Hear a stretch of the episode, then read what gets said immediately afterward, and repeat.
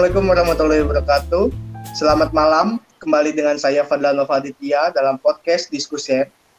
Pada episode kali ini kita akan membahas dan mendiskusikan tentang terbitnya SKB, pelarangan kegiatan FPI, yang nampaknya menjadi pro kontra di masyarakat.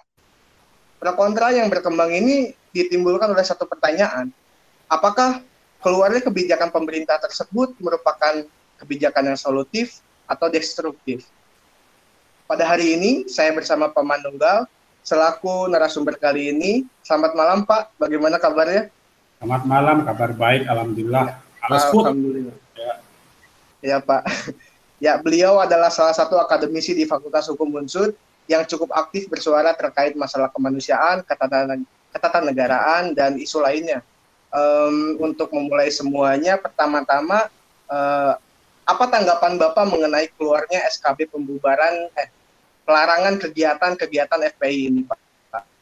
Ya, ya uh, eh, FPI itu kan uh, satu kalau yang dari saya pantau ya, karena saya juga nggak ngulik lebih dalam ke sana.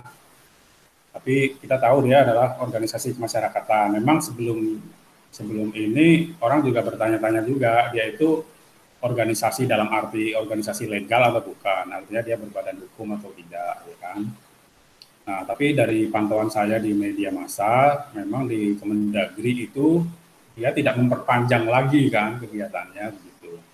Jadi kesimpulan saya karena dia tidak memperpanjang lagi itu kan sebenarnya ada ada kemungkinan memperpanjang. Nah, memperpanjang itu ada ada asumsi yang bisa kita tarik bahwa dia itu adalah organisasi kemasyarakatan gitu. Tapi dia setelah tahun kalau nggak salah 19 apa ya bisa dicek ya uh, itu tidak memperpanjang lagi begitu. Nah kemudian uh, sebetulnya uh, aspirasi dari masyarakat keinginan itu kalau kita pantau ya setidaknya dari saya pernah me, apa, membuat tulisan soal ini di media massa pernah membawa topik ini ke apa forum ilmiah di Belanda dulu tentang pembubaran ormas begitulah. Uh, aspirasi masyarakat oh, dorongan untuk katakanlah membubarkan itu bukan bukan sekarang-sekarang aja gitu. Tapi sudah uh, setidaknya 10 tahun belakangan ini gitu. Atau bahkan mungkin lebih gitu. Nah memang uh, satu sisi ada persoalan menonjol ya pertama karena kita itu kan negara hukum itu pasti menghendaki uh, semua tindakan pejabat negara atau penyelenggara negara mestilah didasarkan pada alas hukum yang yang sah gitu. Artinya nggak boleh arbitrer. Arbitrer itu apa? Arbitrary atau terjemahan bebasnya ke kita itu sewenang-wenang gitu. Nah, keduanya memang uh, uh, kemudian timbul pertanyaan ya, uh, apakah sebagai kebijakan negara ini uh, dia itu sah ya atau tidak tapi uh, bagaimana politically ya secara politik uh, ini uh, mendapat dukungan dari masyarakat atau tidak gitu. Banyak sih tapi saya melihat memang uh, kita juga mesti kritikal apakah ini pembubaran atau tidak. Kalau saya melihatnya, ini juga bisa dicek juga. Uh, itu bukan pembubaran lah ya, tapi pelarangan kegiatan kalau nggak salah ya. Nah dia memang sudah tidak tidak mendaftar lagi gitu loh, tidak tidak terdaftar, tidak memperbaharui lagi. Dan itu uh, kemudian diambil kebijakan, ya. ini kan suatu kebijakan ya, kebijakan negara, ini kebijakan yang diambil oleh penyelenggara negara untuk melakukan pelarangan, gitu. Sebenarnya pelarangan itulah ya, pelarangan kegiatan gitu. karena pertimbangan-pertimbangan tertentu jadi kita sebagai apa uh, uh, anggota masyarakat maupun anggota masyarakat yang kebetulan juga uh, mempunyai background hukum juga mesti kritikal terus apa uh, melihatnya secara jeli ya dan teliti ya apakah memang betul pembubaran. Kalau masyarakat awam bisa kita maklumi ya mengatakan oh pembubaran larang. Tapi apa sebenarnya esensinya? Cara hukum itu apa gitu. Itu sih. Baik Pak. Uh, ada satu hal yang menarik uh, terkait dengan keluarnya SKB ini. Uh, jika kita menarik peristiwa ke belakang, kita juga tahu ya Pak, sebenarnya ini sebelum terbitnya SKB ini ada uh, ada tindakan di pemerintah yaitu dengan penangkapan penangkapan salah satu tokoh besarnya ya. Bisa kita uh, katakan sebagai beberapa lah bukan hanya Habib Rizik saja. Tapi saya ingin membahas sedikit tentang Habib Rizik ini. Uh, pertanyaan dari saya itu apakah uh, eh, SKB ini merupakan bentuk uh, pemanfaatan momentum dari pemerintah karena ya kita ketahui ya uh, dengan ditahannya HRS ini mungkin uh, akan ada pelemahan dari FPI-nya. Sedangkan memang kita sudah tahu bahwa pada nyatanya FPI ini uh, tidak memperpanjang surat izinnya ya, surat izinnya. Ya. Apakah ada hubungan antara ditahannya Habib Rizik ini dengan dikeluarkannya SKB ini terkait dengan pelarangan kegiatan FPI ini? Ya, memang di sini ada aspek hukum sama aspek politik ya. Kebijakan negara itu eh, kalau kita apa uh, arahkan diskusi kita ini dalam apa sih rangka juga studi di Fakultas Hukum kita ya yang kebetulan saya juga mengampu ya ada aspek hukum tata negaranya, ada aspek kebijakan negara, state policy-nya, kemudian ada aspek hukum dan sistem politik ya. Kita melihatnya, mari kita bedah sedikit-sedikit lah ya. E, Rizik Sihab atau dikenal dengan apa Haji apa, Rizik Sihab lah ya orang dengan Habib atau kita gunakan HRS di sini ya itu kan tokoh politik bagaimanapun ya tokoh politik yang mempunyai pengaruh di dalam kancah perpolitikan. Ya dia eh, memimpin mengorganisir suatu kelompok dalam masyarakat kelompok Islam begitulah nah kebetulan eh, kita tahu juga ada berbagai kasus ya yang apa disangkakan pada dia ya. Yang pertama, yang paling utama menonjol itu adalah uh, percakapan WhatsApp lah ya, uh, yang apa pribadi begitu. Tapi secara hukum, kalau dalam amatan saya bisa dikoreksi, uh, yang sekarang ia kemudian ditahan itu adalah terkait dengan uh, kerumunan ya, kerumunan. Kemudian pertama itu kerumunan kan, kerumunan penyambutan dia pulang dari uh, Arab Saudi ya. Kemudian walaupun uh, kasus soal apa percakapan pribadinya itu yang di masyarakat sering di apa menggunakan istilah apa chat uh, mesum begitulah katakanlah. Itu juga kemudian dibuka kembali begitu. Nah, uh, tapi kita lihat kalau kita amati pelarangannya itu nggak ada kaitannya dengan uh, kerumunannya itu uh, tidak ada kaitannya juga dengan chat itu ya karena uh, itu bukan alasan pembubar bukan alasan pelarangan sih sebetulnya tapi momennya memang bersamaan begitu. Nah apakah ada pertimbangan pertimbangan strategi politik? Saya sih meyakini pasti iyalah ya contohnya begini suatu kebijakan negara itu timing nah, momen itu uh, sangat diperhatikan atau tidak bisa di apa dilepaskan begitu saja. Misalnya begini, kalau uh, pemerintah nih mau menaikkan gaji pegawai negeri ya, itu kewenangannya pemerintah sih. Momennya kapan, tapi timingnya biasanya ya disesuaikan juga dengan kepentingan politik. Misalnya kalau pemerintahannya itu incumbent ya, yang pemilu berikutnya dia mau apa akan dicalonkan kembali. Biasanya dia mengambil momen-momen di menjelang pemilu gitu untuk meningkatkan popularitas begitu dan memang kalau kita kembalikan ke apa eh, tokoh masyarakat ini HRS maupun eh, FPI sebagai organisasi masyarakat ya kedua-duanya itu kan bagian dari apa infrastruktur politik nah itu eh, pemerintah namanya berhati-hati ya. Hati-hati karena bagaimanapun dia ada pengaruhnya di dalam apa uh, di kalangan Islam begitu. Dan is, Islam itu kan bagaimanapun kan agama ya dan isu agama itu isu yang uh, di mana pun tempat ya dan bahkan sekarang menjadi tren global itu adalah isu yang paling mudah disulut ya paling mudah apa ya, yang flammable gitu yang paling mudah menyala sehingga pasti handlingnya penanganannya pasti juga berhati-hati nah, momen seperti ini memang uh, saya melihat ya memang menggunakan momen ya sebenarnya kayak uh, persoalan-persoalan misalnya kekerasan ya yang sudah di apa sudah sebagian masyarakat kita itu oh, katakanlah jengah atau gerah itu sudah tuntutan sejak lama sih sebetulnya. Tapi nampaknya eh, pemerintah pemerintahan itu hati-hati lah begitu. Jadi kalau sekarang kita melihat ada ada fakta penahanan ya atau proses apa pro justisia begitulah di, kemudian satu sisi lain kemudian diikuti dengan larangan kegiatan ya, saya melihat ya itu bagian dari apa strategi pemerintah. Ya sah sah saja sih sebetulnya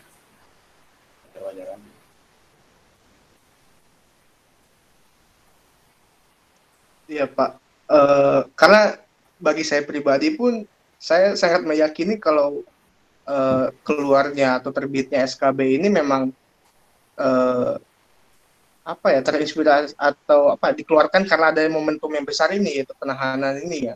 Dengan adanya Eh, peristiwa sebelumnya yaitu yang berkerumun itu ya. Maka dengan ditahannya HRS akan semakin mudah lah ibaratnya untuk tanda kutip membubarkan atau tanda kutip lagi eh, melarang kegiatannya gitu. Karena memang pada uh, yang saya lihat di masyarakat itu uh, banyak sekali yang merasa resah yang katanya merasa resah ya. Bahkan dalam portal berita uh, menurut Menko Polhukam Mahfud MD itu mengatakan uh, katanya sih mengklaim 80% uh, setuju. Uh, terkait dengan pembubaran atau pelarangan kegiatan FPI ini. Nah, uh, ini menarik tadi berbicara soal agama. Berbicara soal agama juga pasti lekat sekali dengan sosial uh, terkait dengan uh, sosial, isu sosialnya.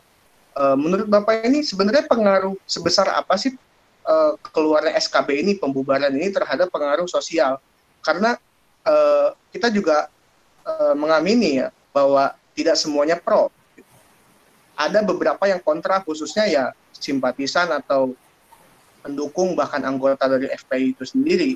Maka dari itu sebenarnya sebesar apa sih pak gitu? Uh, pengaruhnya itu dan dampaknya ke depannya gitu.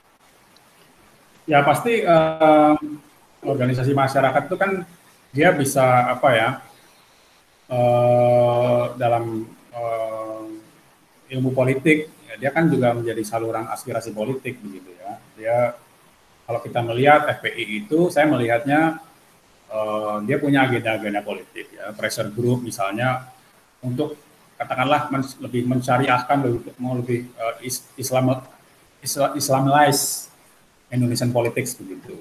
Hmm uh, Islamisasi gitu. Betul. Uh, Islamisasi menurut mereka ya versi mereka karena kalau kita bicara Islam itu kan tidak monolitik ya, ada Islam moderat ya, yang di Indonesia itu ada Nahdlatul Ulama, ada Muhammadiyah ya, ada Islam yang uh, puritan yang lebih puritan misalnya. FPI ini memang kalau kita pinjam ilmu politik ya Islam-Islam yang lebih puritan lah Nah, sekali lagi kita juga mesti berhati-hati apakah ini pembubaran atau bukan. Saya sih tidak melihat ini sebagai pembubaran ya, tapi uh, pelarangan kegiatan gitu. Jadi ketika istilahnya FPI itu tidak mau daftarkan kembali, dia udah expired gitu. ya sebenarnya iya, expired. Saya memberikan contoh misalnya nih, ini yang saya alami sendiri. Saya juga pernah bergabung di dalam suatu organisasi kemasyarakatan ya. Dulu waktu saya mahasiswa itu ada kelompok studi mahasiswa hukum Krishna gitu uh, pendaftarannya dulu kalau nggak salah uh, di Kesbangpol apa ya di tingkat uh, Pemkap gitu lah, pemerintah daerah gitu. Nah kemudian tidak diperpanjang lagi ya, akhirnya organisasi itu ya expired begitu, sudah sudah, sudah expired, jadi tidak dibubarkan gitu loh. Be careful with this ya, karena ini apa uh, pembubaran itu lain ya. Pembubaran pasti dia mengikuti uh, apa uh, syarat-syarat pembubaran. Tapi kalau uh, ini pelarangan kegiatan itu kan bukan pembubaran. Jadi kita mesti teliti dulu apakah ini pembubaran atau tidak. Saya sendiri tidak tidak uh, tidak melihat uh, bagaimana rules-nya, tapi secara lebih detail. Tapi uh, kita bisa melihat lah di situ bahwa ini kan pelarangan kegiatan. Nah, memang uh, kalau dilihat pengaruhnya ya tentu saja kelompok-kelompok uh, yang apa yang yang uh, merasa terganggu dengan apa aktivitas ini ya akan happy gitu ya. Um, kalau kita ikuti media massa, memang jalan pendapat menunjukkan ya responden itu puas gitu dengan kinerja apa pemerintah ya apa atau bukan, bukan kinerja, tapi tindakan pemerintah membubarkan itu bukan membubarkan ya melarang itu cukup memuaskan gitu bagi sebagian orang. Gitu aja sih. Iya Pak. Kalau uh, ini kalau saya boleh apa uh, menyinggung juga aspek politik yang agak nyerempet atau menyimpang saya apa melenceng dari diskusi kita aku nggak ngerti. Tapi misalnya gini nih. Inilah this is politics ya. Misalnya gini kita amati salah satu yang disangkakan pada tokoh politik dari FPI itu uh, mengenai cat mesum gitu ya. Saya sendiri sebetulnya melihat itu uh, sedangkal pemahaman saya uh, itu adalah private matters urusan privat sebetulnya. Ya, artinya kan uh, yang bersangkutan itu kan seorang yang sudah adult ya, dewasa ya, uh, yang apa kalau itu dilakukan by consent ya oleh dengan apa uh, lawan uh, lawan bicaranya bicara dalam uh, messenger itu kan chat lah ya lawan chattingnya ya. Sebetulnya no case ya. Kecuali memang ada yang merasa offended gitu atau terserang itu mungkin bisa diadukan begitu lah. Jadi sepanjang itu adalah sesuatu yang uh, private ya itu adalah hak orang untuk punya apa uh, punya privasi gitu. Orang mungkin mengatakan ya, tapi kan dia nggak pantas misalnya itu pakai nama Islam atau agama ya itu another discussion ya itu pengadilan moral barangkali. Tapi yeah. secara, secara hukum uh, saya nggak melihatnya itu pas. Ya. Nah, uh, kalau anda mau menyikapi uh, statement saya ini uh, secara kritis, coba dilihat ya, apakah memang ada konsen konsensual si apa HRS itu dengan lawan bicaranya kalau nggak salah apa Firsa ya saya, saya lupa lupa ingat. Nah, kalau itu memang ada aduan, ya, ada yang merasa teroffend, ya, ter, terganggu, terserang, terlecehkan, ya itu baru case. Kalau enggak sebetulnya ya agak mengada-ada juga sih. Tapi this is politics ya. Inilah politik bagaimana apa uh, hukum itu bisa dipakai juga untuk uh, menundukkan apa uh, lawan politik gitu. Toh orang juga bisa mengatakan begini, ya nanti kan tinggal pengadilan aja membuktikan gitu dia bersalah atau enggak. Tapi poinnya sebetulnya bukan uh, uh, nanti di pengadilan salah atau enggak, tapi itu sudah merupakan suatu amunisi tersendiri ya untuk tanda petik melemahkan lah begitu. Secara politik ya um, suatu keuntungan buat negara gitu. Tapi sebagai suatu presiden, kalau ini memang apa suatu private matters ya menurut saya dari perspektif asasi sih nggak pas gitu ya. Jadi ada dua kemungkinan coba aja dilihat nanti bagaimana sebetulnya apa eh, apa yang terjadi di dalam setting itu. Tapi kan memang kita melihat ya itu apa uh, sedangkal pemahaman saya uh, dia berseberangan dengan pemerintah karena mengeluarkan kritik dan uh, honestly kalau dalam pengamatan saya sering kali menggunakan apa incitement ya ada ada hatred di sana ya. Ada kepolisian kemudian juga ada persekusi kepada apa kelompok keyakinan agama ya Ahmadiyah dan sebagainya. Itu persoalan hukum ya. Yang itu yang sebetulnya saya agak heran kenapa kasus-kasus yang disangkakan itu tanda petik hanya persoalan kerumunan gitu. itu juga mungkin juga pilihan pilihan uh, hukum juga oleh negara ya dalam arti pemerintah. Karena kan yang polisian kejaksaan itu kan pemerintah kan padahal uh, sebetulnya ada kasus-kasus yang lebih basic lagi mendasar ya soal apa uh, ketentraman, soal ke, kebebasan beragama ya uh, orang-orang Ahmadiyah dan sebagainya, sweeping dan sebagainya itu ya kekerasan dan lain-lain. Yang disangkakan kan sementara ini yang secara resmi sepanjang pengetahuan saya soal kerumunan gitu, yang apa ya bukan violentnya, bukan violent actionnya.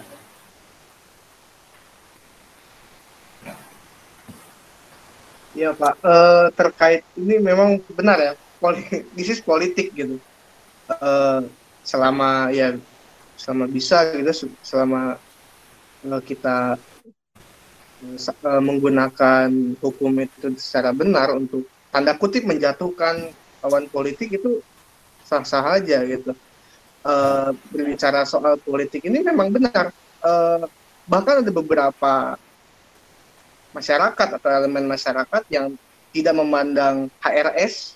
Uh, ini jika kita agak melebar dikit ya dari topik gitu terkait dengan ini karena ada hubungannya juga antara penangkapan HRS ini sebagai momentum SKB ini ya terbitnya SKB ini bahwa ada sebagian yang ber, berpendapat bahwa HRS ini ya statusnya bukan sebagai bukan lawan politik tetapi uh, hanya sebatas imam besar gitu. Ini kan berkaitan dengan agama. Nah, kembali lagi tadi seperti yang Bapak katakan bahwa isu agama ini ya flammable gitu. Memang mudah terbakar gitu, susah karena e, berbicara agama memang sulit ya karena ada beberapa persepsi. Katakanlah kita berbicara soal agama Islam itu ada beberapa gitu. Itu udah beda topik lah. Nah, terkait dengan agama saya hanya ingin kembali lagi aku e, ingin mengaitkan lagi dengan sosial.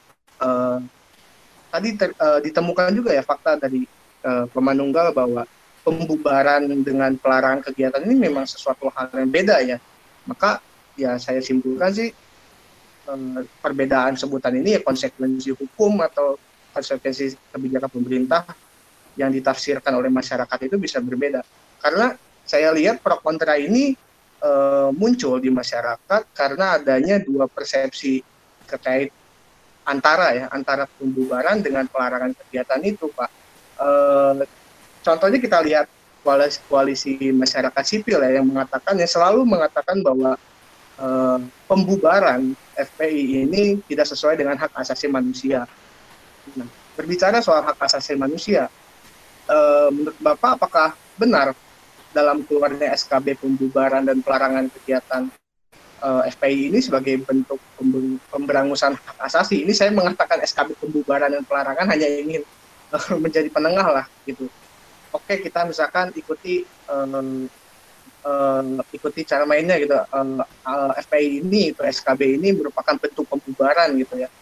Uh, tetapi jika memang misalkan ini adalah bentuk pembubaran, apakah benar gitu itu merupakan suatu pemberangusan hak asasi seluruh anggota FPI ya?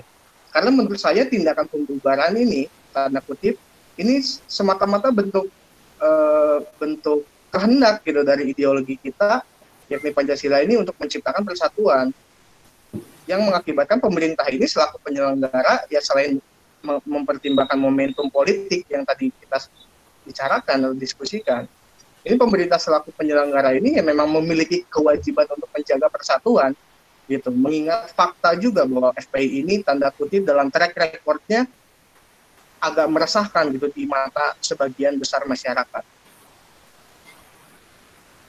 Ya, jadi uh, memang untuk kesekian kalinya kita mesti hati-hati ya. Makanya uh, sebagai uh, orang hukum ya lawyers atau apa uh, legal expert kita juga mesti hati-hati. Ini uh, case-nya apa? Apakah pembubaran? Apakah larangan? Karena itu konsekuensi hukumnya uh, totally different. Memang sebagian mengatakan misalnya ada yang kalau saya saya serap dari berbagai media oh, pembubaran itu oh, mestinya lewat pengadilan dan sebagainya. Saya sih setuju-setuju aja, artinya sah-sah saja selama memang itu ditentukan di dalam undang-undang ormas begitu ya. Tapi ini kan persoalannya ini bukan pembubaran gitu.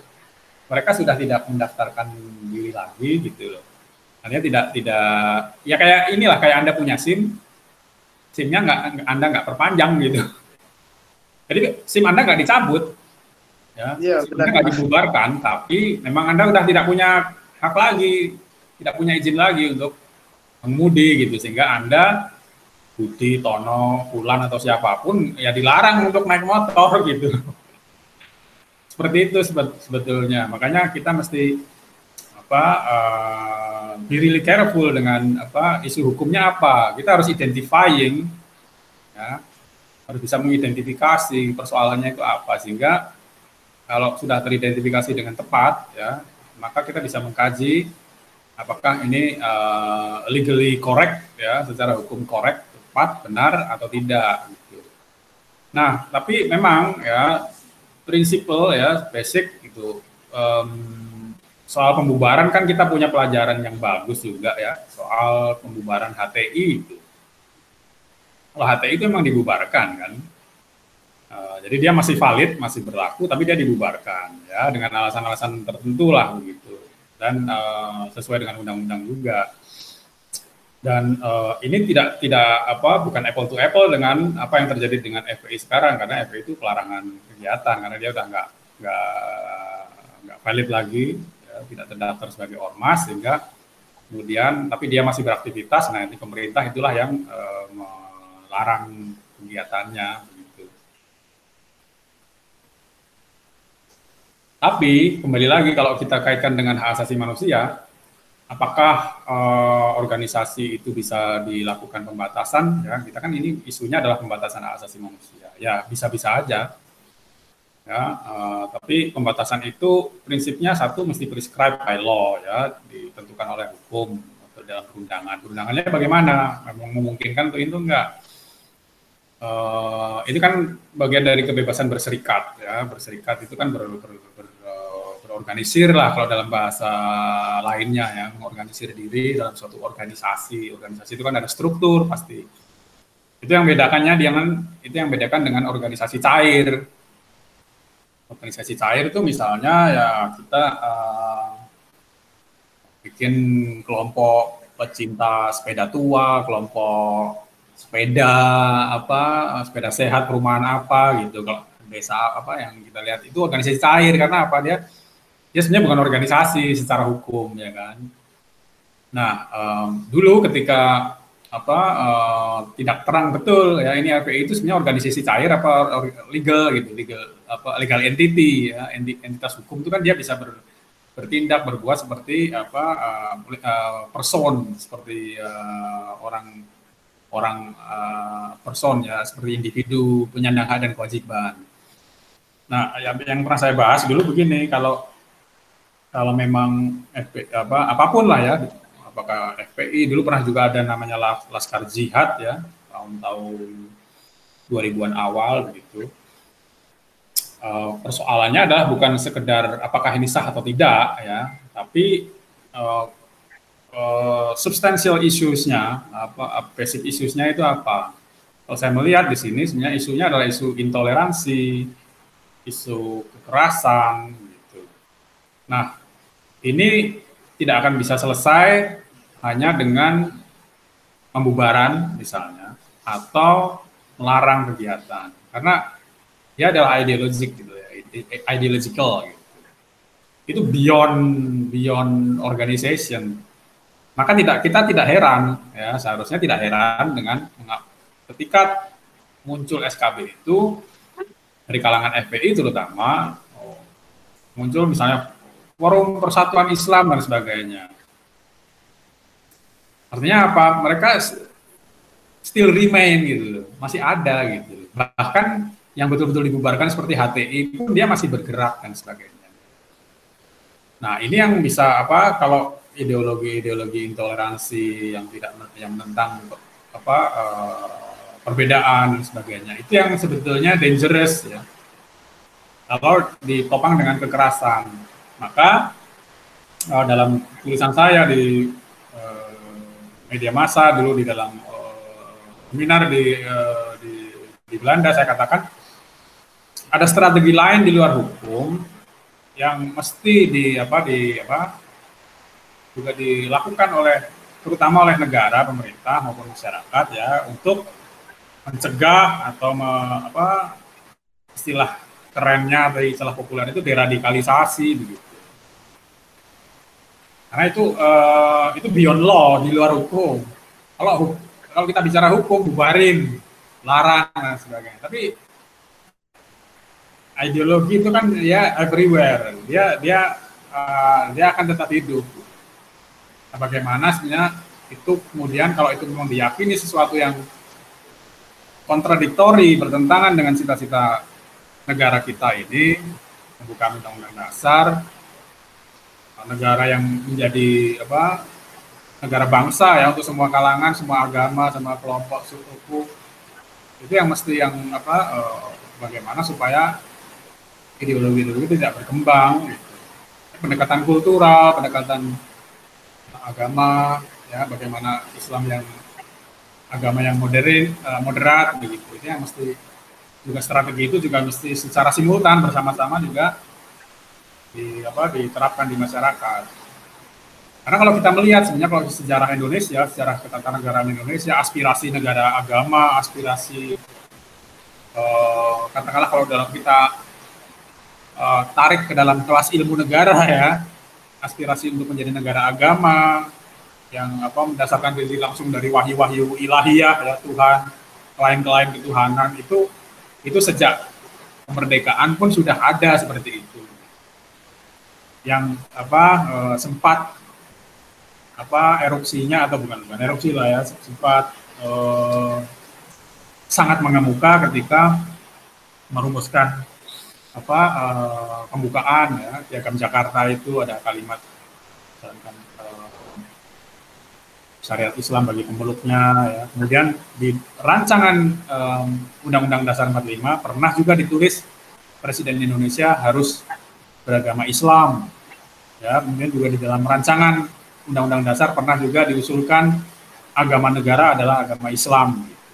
Nah, ini pendekatan historical, pendekatan sejarah menunjukkan bahwa aspirasi-aspirasi seperti itu, negara agama maupun teokrasi itu bukan sesuatu yang baru, bukan sesuatu yang ada setelah adanya FPI, enggak gitu ya. Tapi memang sudah sejak lama ya dan uh, Soekarno pernah melakukan represi ya dengan apa membubarkan Masyumi, ya, Soeharto dengan apa uh, dulu merepresi kelompok-kelompok Islam keras begitu ya. Memang strategi-strategi pemerintahan-pemerintahan di Indonesia ini berbeda-beda ya. Ada yang dengan kekerasan, ada yang dengan apa uh, karena saking hegemoninya waktu Soekarno itu kan dia hegemonik sekali ya. Jadi Soeharto juga demikian ditopang dengan kekerasan. Nah, kemudian ketika muncul era reformasi ya demokrat demokratisasi itu memungkinkan ya orang untuk membuat organisasi dan sebagainya. Dan kemudian muncullah ya seperti ini secara legal begitu. Tapi ketika aktivitasnya itu uh, apa, uh, organisasi itu dipakai payung untuk sesuatu yang kalau tujuannya tercapai justru akan menghancurkan cita negara Indonesia ini ya di situlah dia punya negara punya justifikasi untuk membubarkan. Ya makanya tapi harus diingat ya membubarkan suatu organisasi itu bukan kemudian mempersekusi e, terhadap mereka yang uh, menjadi anggota-anggotanya gitu kita melihat contoh kasusnya di HTI ya. HTI itu dilarang. Kendaraannya di, di istilah kalau kita ibaratkan analogikan uh, eh, HTI itu sebagai organisasi itu adalah kendaraannya, kendaraannya itu yang digempesin atau diledakkan gitu. Tapi penumpangnya nggak dibunuhin. Dan menurut saya itu sudah benar. Ya.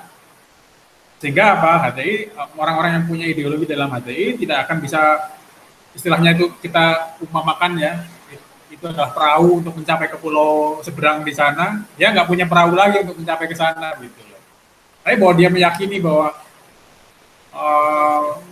cita-cita uh, negara yang paling bagus itu adalah seperti versi HTI, cita-cita negara yang paling baik itu adalah seperti FPI, itu adalah hak asasi manusia. Itu freedom of conscience ya, keyakinan. Selama dia masih dalam ranah-ranah keyakinan, itu boleh-boleh aja. Nah, counternya memang kalau itu kita meyakini bahwa itu adalah bisa berkembang menjadi sesuatu yang destruktif, ya bagaimana negara itu ya katakanlah program deradikalisasi gitu. Dan itu sudah dilakukan kan oleh Badan Penanggulangan Terorisme. Tapi sekali lagi memang uh, ini it's not uh, an easy task ya, it's, it's not an easy job. Kenapa ya? Um, isunya kan agama gitu. Agama itu sesuatu yang mudah disulut gitu. Iya benar. Kita nggak heran ya, nggak usah di sini, nggak usah di Amerika. Memang uh, agama dan kedua nasion ya, nasionalisme itu bisa membuat orang berkorban apa saja gitu. Ya, belum lagi kalau kita melihat bercermin di apa di Jerman dulu ya, dia tidak mendasarkan pada agama barangkali, tapi mendasarkan pada ras ya, etnisitas ya. Itu bisa ya. bisa driving orang untuk uh, eksterminasi, untuk killing gitu.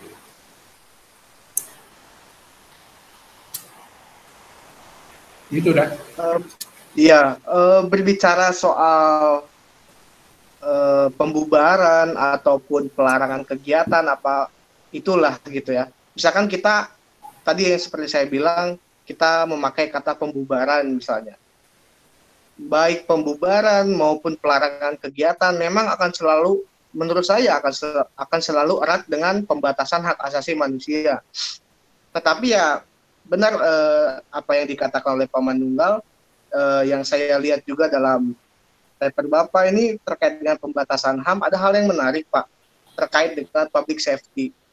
Di sini kan uh, dalam paper Bapak uh, pembatasan HAM ini kan terkait dengan keselamatan publik itu uh, diperbolehkan lah gitu pada intinya gitu.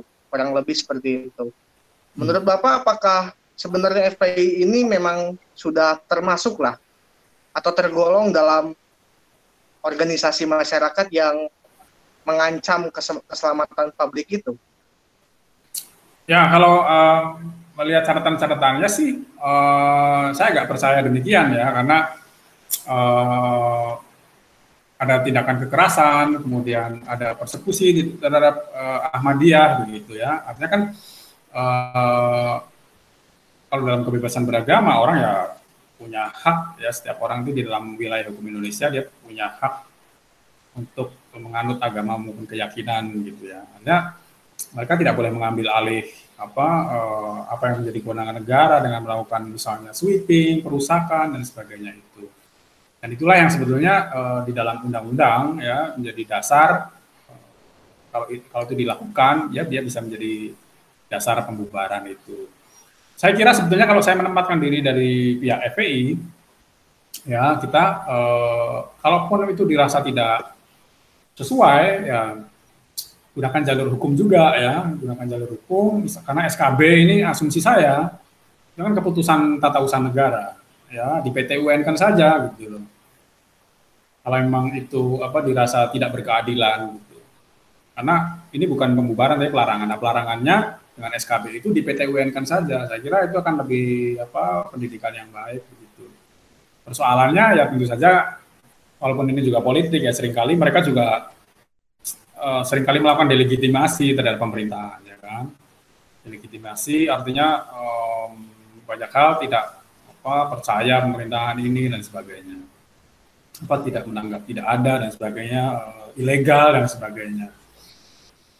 Kalau itu melakukan apa uh, apa melakukan langkah hukum sama saja mereka mengakui juga. Ya, inilah ini politik juga sih.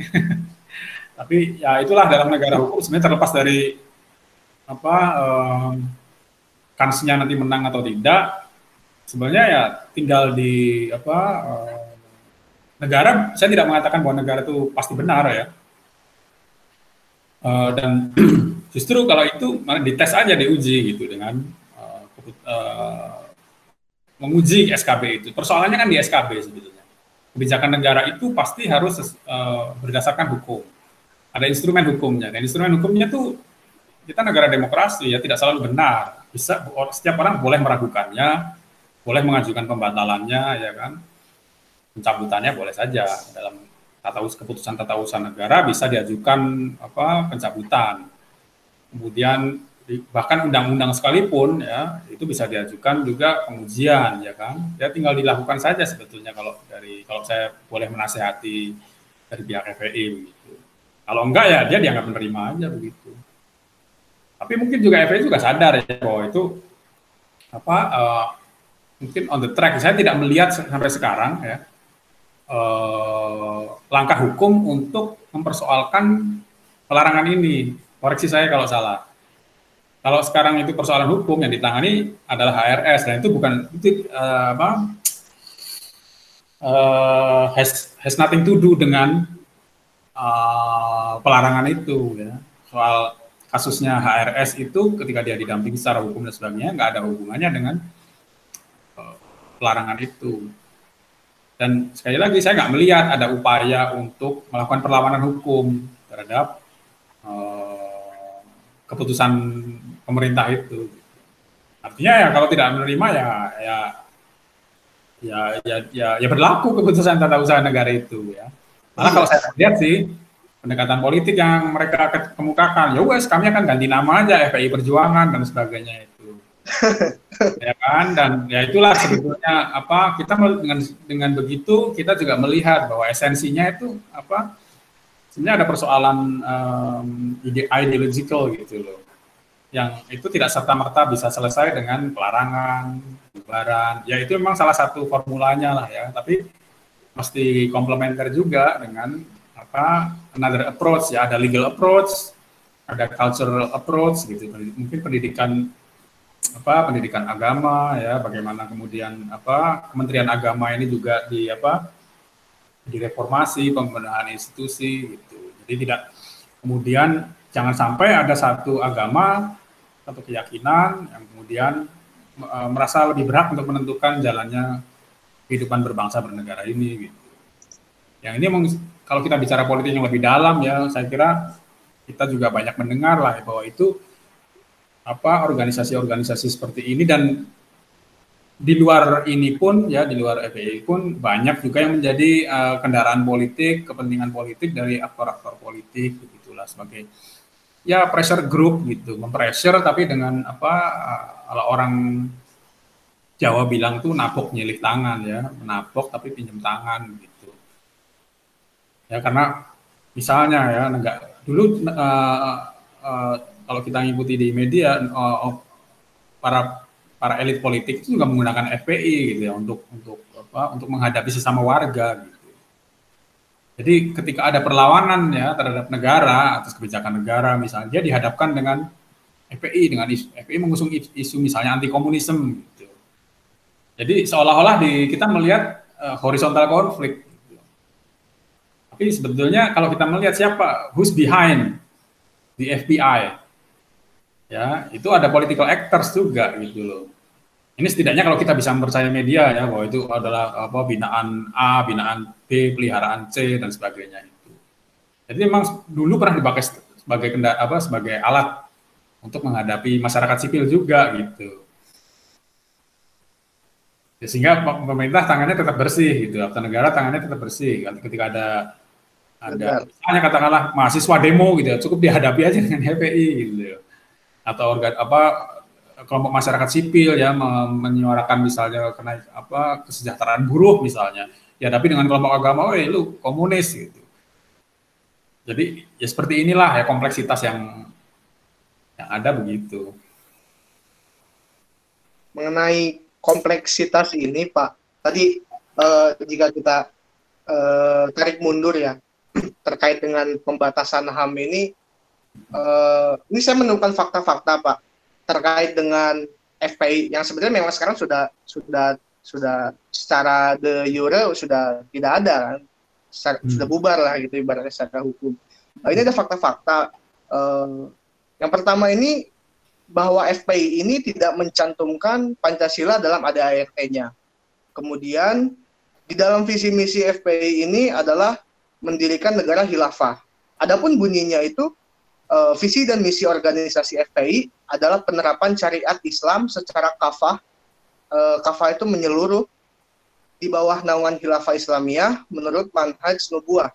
Uh, koreksi saya jika salah Pak, uh, manhaj nubuah itu kan jalan Nabi ya. Melalui pelaksanaan dakwah penegakan hisbah dan pengamalan jihad. Uh, sependek pengetahuan saya jika kita uh, baca dari bunyinya itu kan dari visi misi itu kan mendirikan negara khilafah. Hmm. Uh, sejauh saya belajar ya Pak ya, sebagai mahasiswa hukum dan beberapa gitu waktu SMA negara khilafah kan salah satu bentuk ideologi ya, bentuk implementasi dari ideologi. Ini memang sudah sesuai ya, uh, sudah apa ya, sudah sudah bisa dinyatakan lah bahwa ini tidak sesuai dengan uh, ideologi kita gitu. Pancasila dalam hal ini. Uh, apakah sebenarnya pemerintah ini uh, kita tarik lagi ke belakang Pak, uh, alasan kenapa FPI ini tidak uh, memperpanjang sebenarnya bukan tidak memperpanjang kan, tetapi memang ada hambatan ketika ingin melakukan perpanjangan SKT. Itu kan salah satunya yang saya lihat dari portal berita itu karena FPI ini belum memenuhi secara perpanjangan SKT.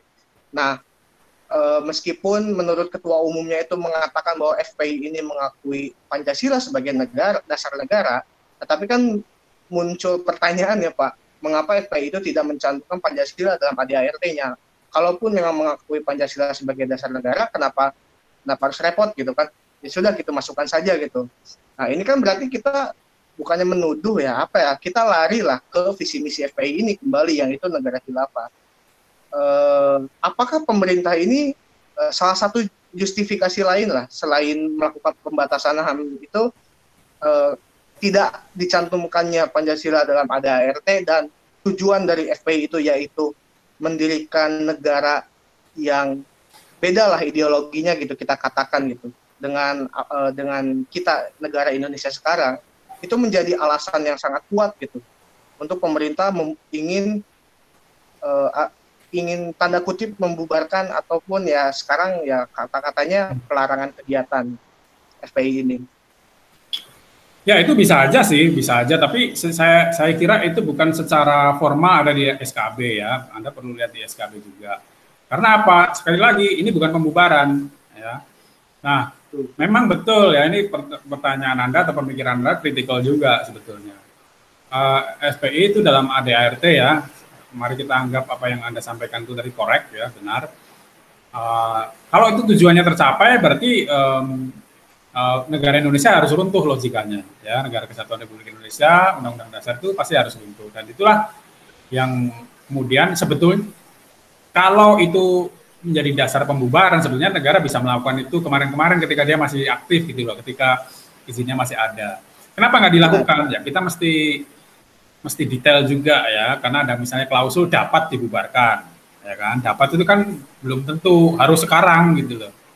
Itu kembali lagi pada diskresi kebijakan negaranya gitu. Mungkin kemarin-kemarin dua tahun tiga tahun yang lalu dapat aja dibubarkan, tapi timingnya mungkin ya penyelenggara negara sekali lagi ya timingnya uh, tidak tepat gitu loh. Atau dia dianggap mesti hati-hati lah. Karena ini era ini era informasi sekaligus era disinformasi ya. Ini era in, informasi sekaligus era hoax ya. Uh, benar yang kemudian bisa misalnya mari katakanlah begini dibuarkan uh, ini menindas agama ya menindas Islam dan sebagainya narasi-narasi seperti itu kan juga dikembangkan ya kita mesti kita lihatlah ya ada narasi kriminalisasi ulama, kemudian narasi menindas Islam dan sebagainya. Itu kan bisa dikembangkan juga gitu dan uh, masyarakat awam itu bisa juga terbawa ke sana. Dan makanya negara saat itu mungkin berhati-hati lah begitu. Sehingga ketika um, expiry uh, date-nya dia sudah tercapai, negara tidak perlu capek-capek lagi membubarin karena ya sudah tidak berlaku dengan sendirinya begitu. Saya kira lebih lebih kepada itu bukan bukan karena secara legal formal pasti bukan karena itu ya. Tapi uh, ya karena memang sudah tidak uh, berizin dan kemudian track recordnya kemarin-kemarin demikian gitu. Itu yang menjadi alasan formalnya seperti itu. Ya uh, bahwa kemudian kembali lagi ya uh, ADART-nya begitu tidak Pancasila. Ya bisa jadi kalau misalnya sekarang itu kita terapkan pada organisasi yang lain misalnya ikatan apalah begitu atau organisasi front apa gitu ya yang sekarang misalnya katakanlah sekarang masih ada negara bisa aja ya dapat gitu. Nah kita sebagai orang hukum kan beda dengan awam ya. Dapat itu kan bukan tentu langsung dengan uh, automatically kemudian itu bubar dan sebagainya kan enggak namanya juga dapat ya dapat di, dapat dibubarkan dan dapat dibubarkan pasti juga ada prosedurnya ya peringatan pertama kedua dan sebagainya jadi kalau saya melihat sih memang kalau FPI itu dia kan tidak dibubarkan dia expired dengan sendirinya gitu. Dan apa itu juga strategi negara gitu loh. Itu hukum juga, law. Expired itu kan suatu fenomena apa uh, keadaan hukum, tapi uh, artinya negara tuh menahan diri untuk tidak membubarkan gitu. Kenapa? Political consideration ya, pertimbangan politik. Dan sah-sah saja namanya kebijakan politik ya. Sah-sah saja. Orang mungkin sebetulnya kalau kita melihat ya, keinginan bubarkan FPI itu udah udah dari udah banyak karena udah lama sih. Walaupun juga kita juga tahu yang mencintai FPI juga banyak ya. Benar. Yang besar dan lain-lain itu juga banyak. Jadi that's politics ya, karena itulah. Tapi kita bicara sekarang realita, ya itulah ya bahwa FPI itu eh, setidaknya kalau uh, apa yang anda baca tadi benar, memang ada orang-orang yang menginginkan khilafah ya Khilafah itu kan pemerintahan yang menurut mereka ada apa di memang diharuskan di dalam agama. Ya. Saya tidak akan membahas bahwa secara fikih atau secara hukum agama karena saya tidak punya kompetensi soal itu. Tapi ada yang meyakini bahwa itu adalah apa eh, kewajiban umat Islam lah gitu. Walaupun tentu saja ada juga apa masab yang lain yang mengatakan tidak ada dasarnya ya di, di dalam kitab suci juga tidak tidak secara eksplisit menyebut demikian. Tapi itu another discussion. Ya, tapi iya poin yang bisa kita ambil untuk kita masih relevan kita diskusikan bahwa aspirasi negara agama ya uh, aspirasi itu itu ada eksis gitu even until today ya dari sejarahnya dulu di BPUPK sejarahnya di apa DITII ya itu ada gitu nah itu tinggal bagaimana sekarang negara kalau meyakini itu sesuatu yang kontradiktori dengan cita-cita apa negara nasion ya, negara bangsa. Negara bangsa itu kan bangsa itu kan wongso. Wongso itu keluarga. Keluarga itu ya uh, multicultural ya keragaman ya. Kita meyakini itu plural ya plural itu kan lebih dari satu agama lebih dari satu budaya lebih dari satu bahasa lebih dari satu. Bahkan kalau kita bicara agama Islam yang seperti apa itu juga lebih dari satu ya kan benar pikirannya Wahabi ada yang apalah ya ada yang moderat ada yang tradisionalis, ada yang modernis, ada yang puritan, ya. itu can be different ya. Tapi selama dia memang apa masih menerima kerangka negara bangsa Indonesia ya, ya let's fine ya. Tapi kalau ada benih-benih ke sana ya negara tidak boleh mempersekusi orang-orangnya sih nggak boleh gitu, boleh membunuhi gitu. Tapi uh, kendaraannya ya uh, alatnya itu bisa disita lah katakanlah begitu. Anda bisa, kita boleh aja punya aku pengen negara apalah kapitalis itu paling benar gitu atau negara komunis kan kita bisa aja tapi negara bisa melakukan apa represi pembatasan gitu loh uh, untuk tercapainya tujuan itu tanpa harus kemudian orang itu diadili atau di apa dipersalahkan karena pikirannya. Ini bebas-bebas aja. Baik pak. Berarti kalau misalkan saya ambil kesimpulan terkait dengan uh, tindakan represivitas pemerintah ya Pak terka terkait uh, ormas yang tidak hanya FPI ya, barangkali memang ada ormas lain yang uh, menghendaki atau dalam ADART-nya menghendaki adanya negara dengan ideologi lain selain Pancasila. Sangat bisa jadi ya maka itu diperbolehkan ya Pak ya melakukan pembatasan atau dalam arti ya pelarangan kegiatan lah kurang lebihnya gitu. Apakah itu diperbolehkan Pak? Jadi ya, diperbolehkan karena uh, cita-cita negara kan, negara itu kan aspirasi tertinggi selama memang Undang-Undang Dasar itu kan hukum tertinggi ya, kesepakatan tertinggi kan. Kesepakatan tertingginya memang negara bangsa Indonesia ya untuk melindungi segenap tumpah darah Indonesia dan kita tidak negara Indonesia itu kan bukan negara agama gitu. Itu cita tertinggi gitu loh memang secara konstitusional ya, secara uh, uh, ilmu ketatanegaraan bisa aja ya kita itu uh, jadi negara apa pun itu juga bisa. Dan itu politik ya, bukan hukum lagi. Misalnya nih saya selalu mengatakan ya, contoh nih uh, MPR itu punya kewenangan merubah undang-undang dasar. Satu-satunya institusi, satu-satunya lembaga yang punya kewenangan merubah undang-undang dasar itu MPR loh. Nah, theoretically, uh, theoretically hanya MPR yang bisa merubah. Dan um, mari kita bayangkan kalau MPR itu kemudian melakukan perubahan yang mendasar begitu. Secara politik sangat dimungkinkan. Sangat sangat dimungkinkan. Tapi itu kan uh, politik ya. Selama itu belum terjadi ya apa yang menjadi hukum itu sekarang itulah yang harus ditegakkan oleh negara. Karena penyelenggara negara itu kan punya kewajiban menegakkan konstitusi. Ya, untuk memastikan bahwa apa yang menjadi cita-cita konstitusi, apa yang menjadi arah apa uh, negara ini memang terjaga begitu. Jadi itu bisa menjadi kebenar gitu. Iya, Pak. Uh, kehendak uh, begini, Pak. ini agak ada satu hal atau yang cukup mengganggu pikiran saya, Pak, terkait hmm. dengan uh, kehendak konstitusi memang kita ketahui ya semua mungkin dari SD pun sudah belajar PKN bahwa tujuan dari konstitusi maksudnya tujuan negara ya yaitu hmm. salah satunya adalah mencerdaskan kehidupan bangsa.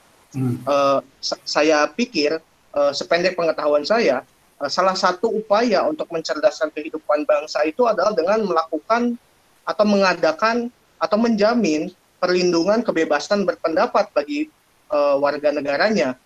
Nah, di sini menjadi hal yang menarik ketika kita berbicara soal kebebasan berpendapat ini soal ingin menentukan berpendapat bahwa uh, jika katakanlah FPI misalnya kita taruh lagi FPI, FPI ini ingin berpendapat uh, bahwa negara kita ini harusnya bukan ideologi sekarang, tapi yang dicita-citakan sebagaimana yang tercantum dalam visi misinya.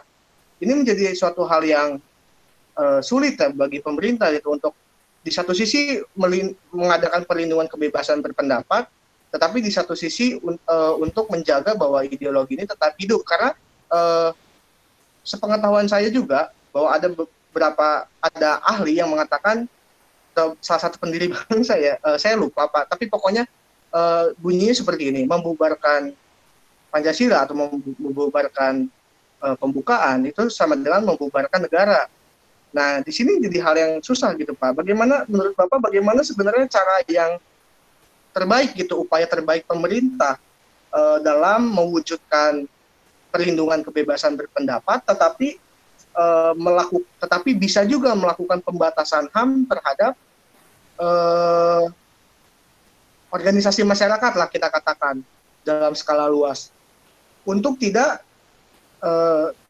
berniat lah yang dituangkan dalam ADART-nya untuk membubarkan ideologi gitu, membubarkan negara gitu, mengganti ideologinya. Mengingat juga kan ini bukan hanya FPI saja tadi seperti yang Bapak katakan eh, ada HTI juga yang ingin negara hilafah gitu. Ini berbicara eh, mungkin apa ya klarifikasi lah dari saya bahwa visi misi yang FPI itu eh, saya jamin ini benar, saya benar adanya gitu. Karena uh, kebetulan saya ada fotonya gitu Pak uh, ada foto terkait visi misi ADART-nya yang sempat hmm. sempat saya tangkap lah gitu sempat saya screenshot mengenai visi misinya bahwa memang benar bahwa FPI ini ingin mengejarkan negara hilafah seperti itu Pak bagaimana ya Pak? Ya kalau menurut saya sih selama dia berpendapat ya ini salah satu hak uh, asasi lah ya um, uh, sepanjang itu perdebatan yang apa yang sehat yang baik gitu ya itu tetap aja dibuka tidak masalah sebetulnya. Justru itu melatih kebe, apa eh, kita itu untuk berbeda pendapat gitu. Tapi artinya negara ini juga kemudian apa yang tidak tidak boleh kan dia menggunakan alat, dia menggunakan apa is, apa sarana-sarana untuk mencak untuk mewujudkan tujuannya itu yang tidak tidak diperbolehkan. Ya.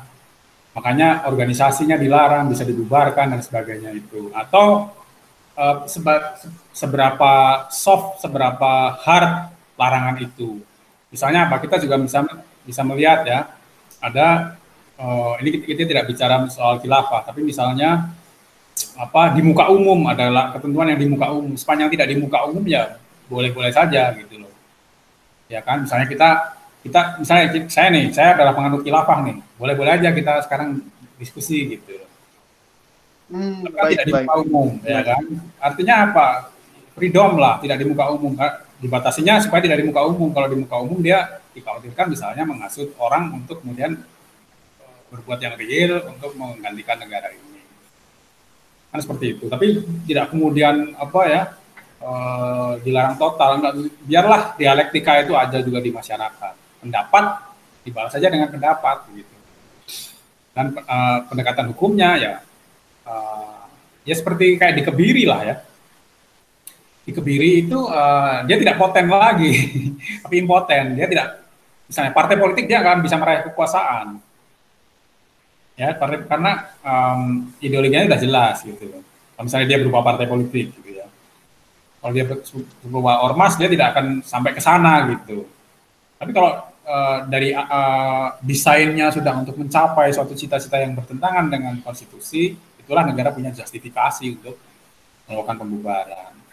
Nah, kembali lagi sebetulnya menurut saya yang kalau boleh kita agak parno ya atau kita settingnya agak khawatir dan sebagainya itu adalah justru um, bagaimana misalnya melihat ada institusi-institusi resmi yang kelihatannya fine-fine saja menerima tapi itu bagian dari strategi politiknya untuk menggerogoti cita-cita ini gitu loh. Ya mungkin secara secara formal dia uh, fine dengan apa hukum sesuai dengan aturan hukum. Tapi dari apa dari dari aspirasinya dari itu dia menuju ke sana gitu menuju ke pembentukan negara agama gitu. Kita melihat sekarang misalnya ada perda-perda yang berbau agama yang memprivilege ya memprivilege itu mengistimewakan satu kelompok agama tertentu itu kan dari partai politik itu. Ya. Uh, artinya apa? Kita melihat gerakan-gerakan negara agama itu tidak saja di, or, di ormas tapi juga di political parties kita melihat ada partai A ya, misalnya partai X lah gitu. Itu yang di apa uh, orang dalam studi politik ya sama dengan apa misalnya Ikhwanul Muslimin begitu. Yang di apa di di Arab Saudi aja dilarang gitu. Tapi secara formal, secara legal formal nggak ada masalah Pancasila dan seterusnya dan seterusnya itu. Nah itu yang sebetulnya ya itu, uh, politik dihadapi dengan politik. Ya, dia dihadapi dengan uh, dengan dialog dengan demo apa dengan uh, piranti hukum yang baik begitu. Tapi tidak kemudian untuk merepresi kita you cannot kill ideology gitu.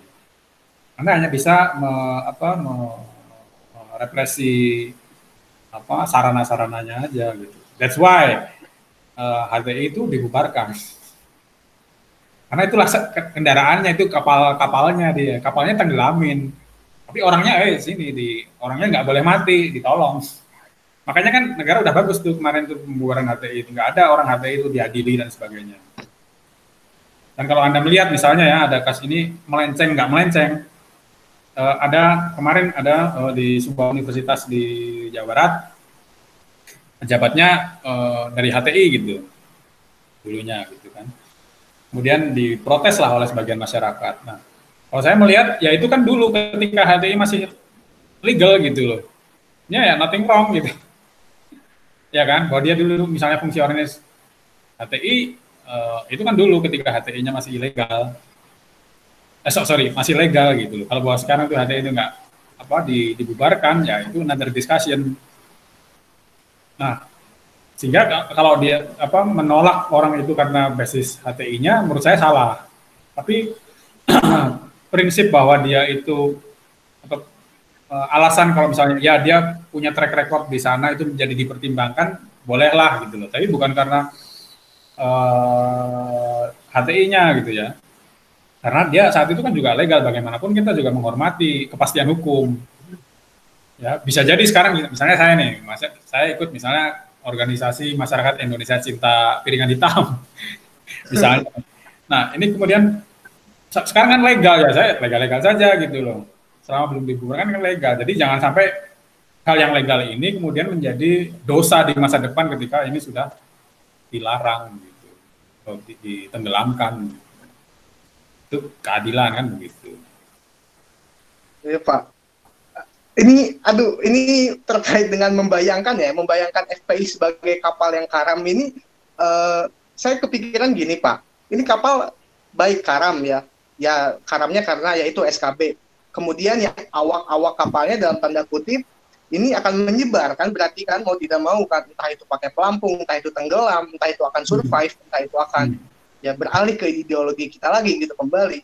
Itu kan tidak ada jaminan gitu ya. Itu berarti uh, sebenarnya itu apakah uh, pengkaraman kapal FPI ini tanda kutip uh, bentuknya adalah ya pelarangan kegiatan ini sebenarnya apakah lebih berbahaya gitu? Jadi ini biasanya kan uh, saya ambil contoh ada kumpulan orang pak yang berideologi sama ya, maksudnya ber, berpemikiran lah ya, berpemikiran sama gitu.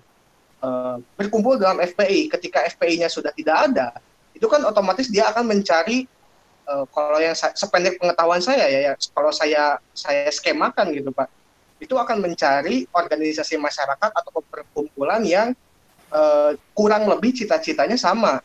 Nah bahkan sekarang kan ada yang FPI itu ganti kan jadi Front Persatuan Indonesia ya Pak. Nah itu sebenarnya apakah menyelesaikan suatu masalah itu atau tidak gitu?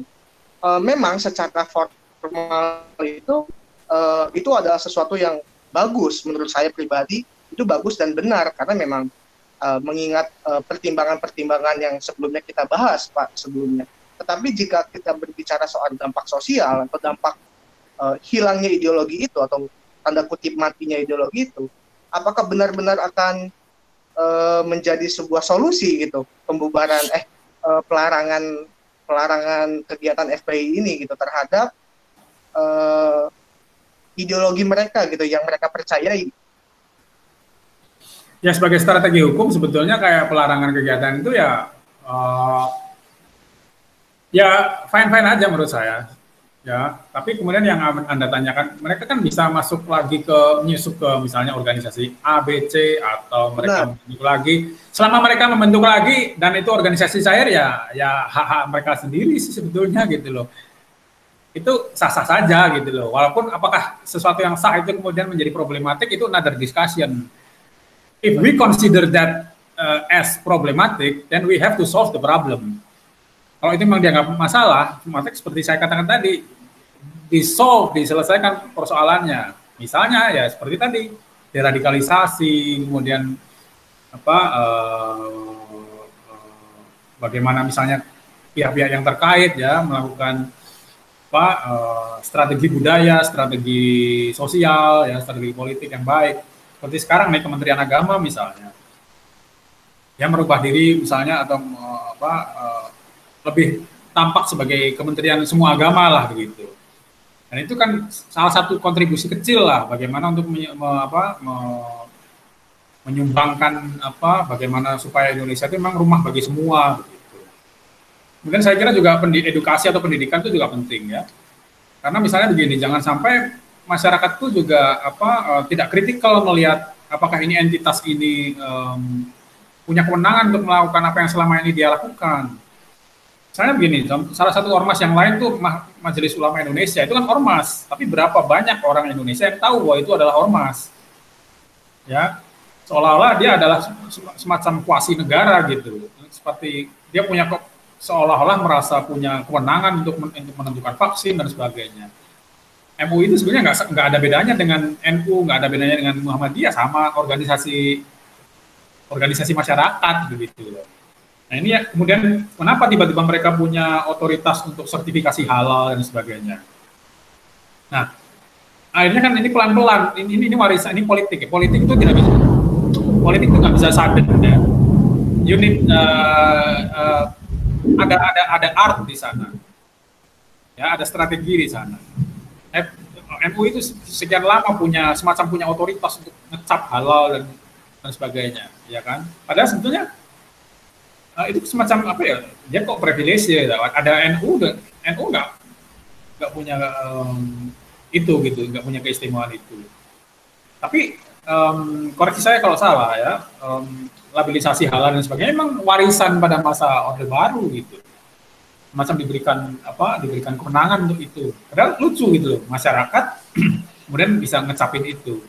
Tapi kita melihat sekarang ada perubahan ya dari reformasi institusi dari Kementerian Agama ada saya lupa nama resminya tapi dia membidangi soal uh, uh, pendek cerita soal sertifikasi halal gitu lah. Itu Kementerian Agama itu masih benar gitu loh. Negara bisa mencampuri soal agama sepanjang untuk memudahkan aja untuk mengatur gitu untuk memfasilitasi. Contohnya haji kan haji itu kan sebenarnya urusan urusan masyarakat tapi negara organizing haji. That's fine gitu loh Masyarakat ada iya. kebutuhan soal halal dan haram. Ada Kementerian Agama, nggak masalah dari dari Dirjen Islam misalnya yang dimintai tolong, tapi dia masih state state organization gitu. Bukan kemudian privilege satu organisasi masyarakat yang kemudian kita anggap itu sebagai suatu lama-lama orang juga apalagi namanya pakai nama majelis ya orang jadi um, awam tuh jadi kabur ini organisasi negara enggak terus akhirnya uh, orang selalu bertanya emang boleh sama MUI dan sebagainya padahal dia tanda petik hanya ormas gitu, yang tidak punya kekuatan mengikat secara umum gitu ya kayak vaksin itu kan sebenarnya nggak ada urusannya dengan ormas gitu memang masyarakat tuh dimintai pendapat dan saya boleh tapi tidak kemudian menjadi decisif ya menentukan gitu nah kembali lagi kayak tadi ke FPI. Misalnya bagaimana kalau mereka itu berhimpun lagi, ya itu hak mereka ya. Kita nggak bisa merepresi kalau itu mengganggu, itu dia potensial. Ya apa strategi negara begitu? Apa strategi negara untuk apa supaya mereka fine-fine aja lah masih dalam koridor gitu. Dan juga apa uh, saya kira kalau kita bicara dalam infrastruktur politik, bagaimana juga kelompok-kelompok yang yang apa ya yang moderat begitu ya itu juga merangkul gitu jadi uh, tidak kemudian zero sum game ya kemudian di apa dibinasakan di, dihilangkan itu kan tidak hanya bagaimana merangkul itulah. Dan itu kan bukan persoalan hukum kalau merangkul persuasif gitu. itu persoalan sosial. Ya bagaimana negara misalnya bekerja sama dengan kelompok agama yang moderat lah.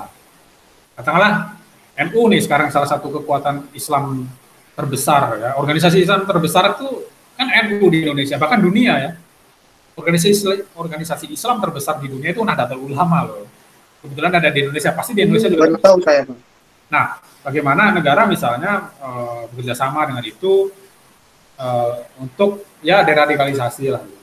tapi kalau masih ada orang yang berpikiran begitu selama dia ini mengapa dia tidak melakukan sesuatu yang tanda petik destruktif ya kemudian penghasutan incitement ya itu human rights-nya dia lah gitu. Orang kan bisa meyakini nah, besok akan kiamat juga boleh-boleh aja gitu. Iya benar, tidak bisa dibedakan ya antara, antara, antara membatasi hak organisasi sama menjamin hak uh, hak untuk mempunyai keyakinan saya walaupun keyakinan kebebasan berbicara berpendapat itu juga dapat dibatasi gitu. Tapi semakin sebetulnya tidak perlulah membatasi yang terlalu ekstrim gitu ya karena itu uh, akhirnya mah tidak ada katup lepas gitu. Biarlah diskusi hiduplah uh, diskursus diskursus itu hidup secara wajar aja. Kan kita kan dialektis nantinya. Oh, apa yang paling bagus gitu. Nanti kan bisa di antitesis misalnya kita itu sebenarnya sudah sudah islamik ya. Apalagi Indonesia kan juga Indonesia negara agama bukan? Bukan. Negara sekuler bukan. Negara bukan bukan iya. Kidding. Itu negara yang religius kan gitu loh religius itu akhirnya nilai-nilai agama dia um, diadopsi lah gitu. Nah bagaimana kemudian Indonesia sebagai negara yang religius ini yang unik memang biasanya orang kan dia apa diametral gitu antara apakah sekuler apakah agama gitu. Indonesia tidak kedua-duanya tapi Indonesia itu religius gitu.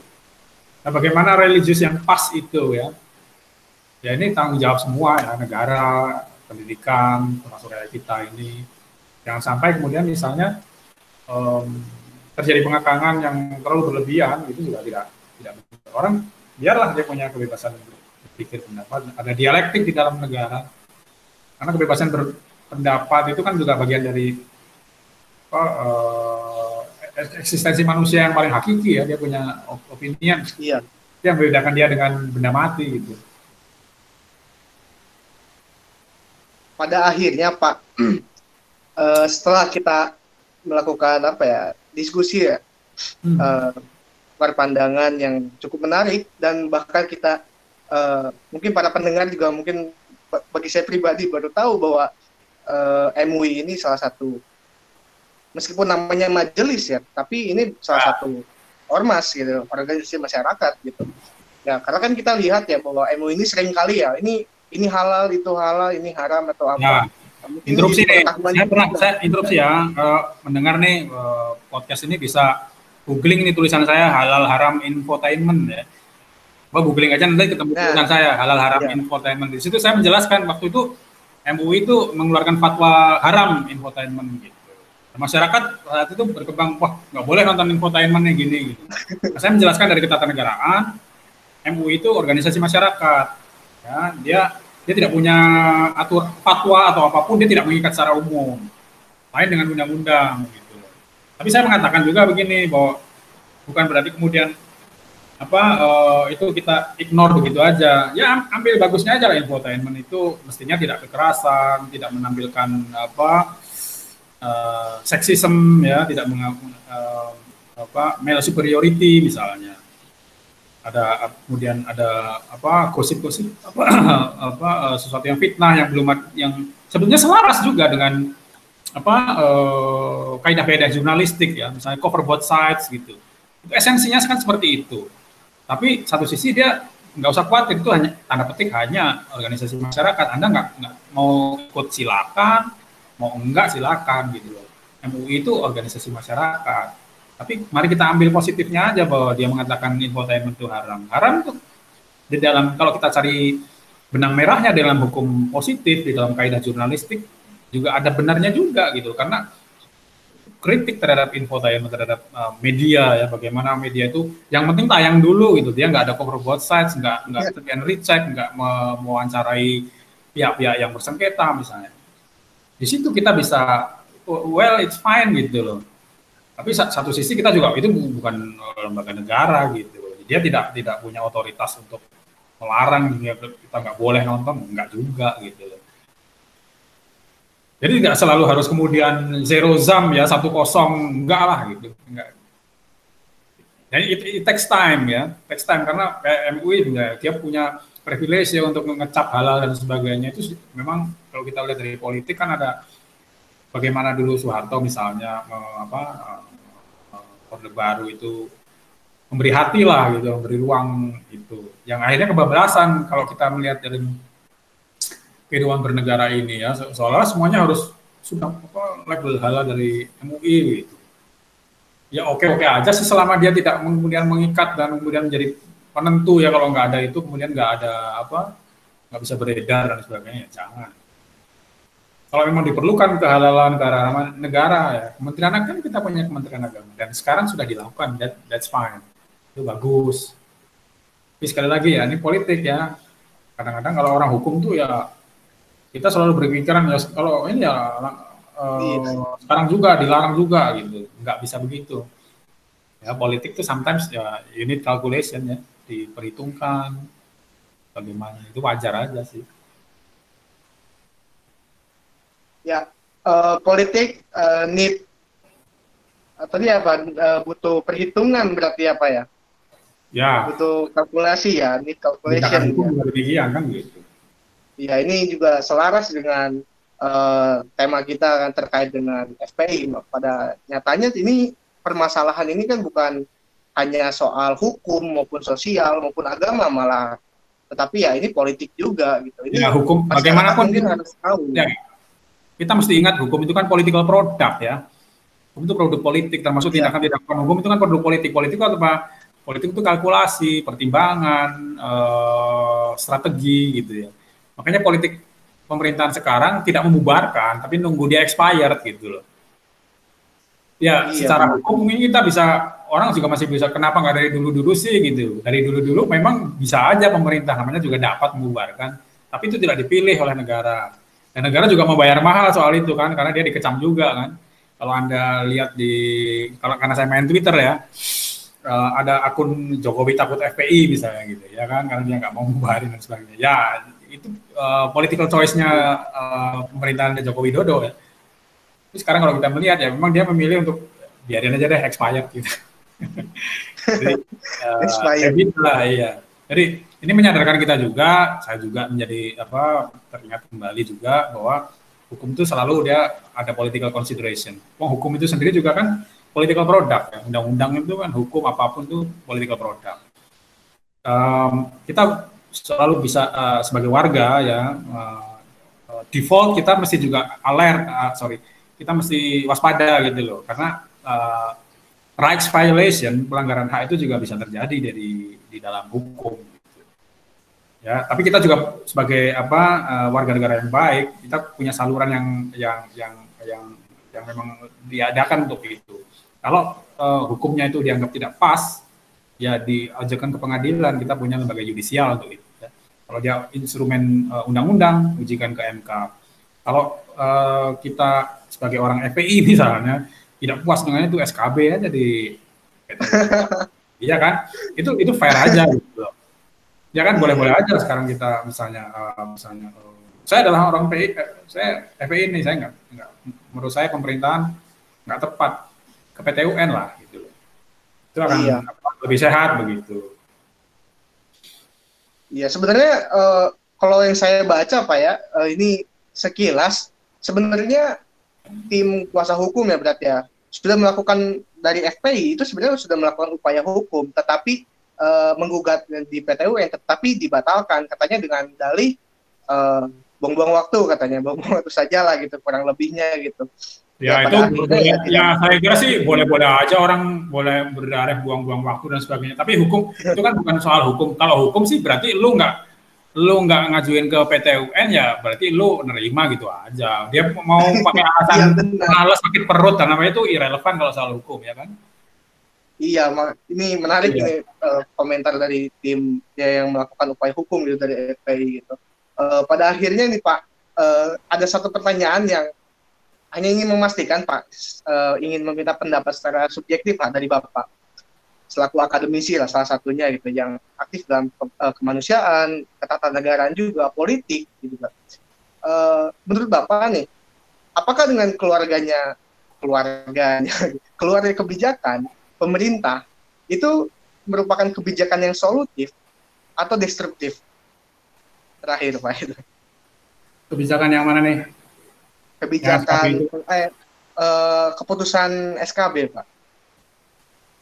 Um, saya sih tidak tidak anda menjawab solutif atau destruktif enggak sih, tapi itu kebijakan yang apa uh, um, kalau secara hukum sampai sekarang saya harus melihatnya itu sebagai kebijakan yang apa uh, lawful ya legal gitu selama dia tidak dinyatakan ilegal gitu itu itu pertama poin saya begitu kedua kebijakan ini bukan apa penyelesaian formula yang akan menyelesaikan semua persoalan.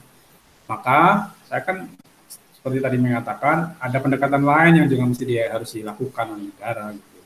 terhadap orang-orang yang yang katakanlah simpatisan anggota FPI gitu sekarang ini ya strategi budaya strategi pendekatan agama yang lebih apa uh, moderat begitu itu yang mesti dikedepankan ya nah, kita melihat misalnya um, kita lihat misalnya di persoalan terorisme gitu, itu kan juga banyak yang terorisme in the name of God juga atas nama Tuhan.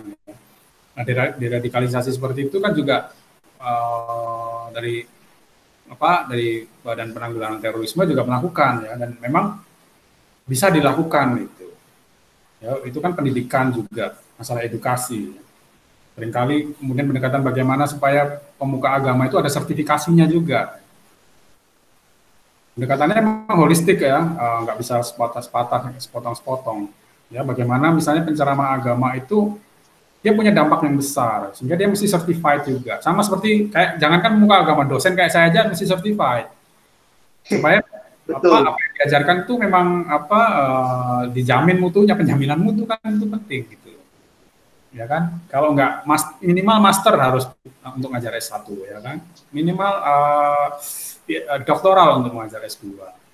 Saya kira pemuka agama juga mesti sertifikasi seperti itu. Dan ini bukan sesuatu yang membatasi uh, apa uh, agama gitu. Karena satu sisi kan kebebas ada kebebasan beragama, ada kebebasan untuk memanifestasi agama, kebebasan manifestasi agama mewujudkan keberagamaan ya, termasuk dakwah, termasuk misalnya ibadah itu bisa diatur, bisa dibatasi gitu. Dan selama negara berpijak di dalam kerangka asasi manusia sih nggak masalah, jangan takut. Ya, tidak perlu ragu-ragu soal itu.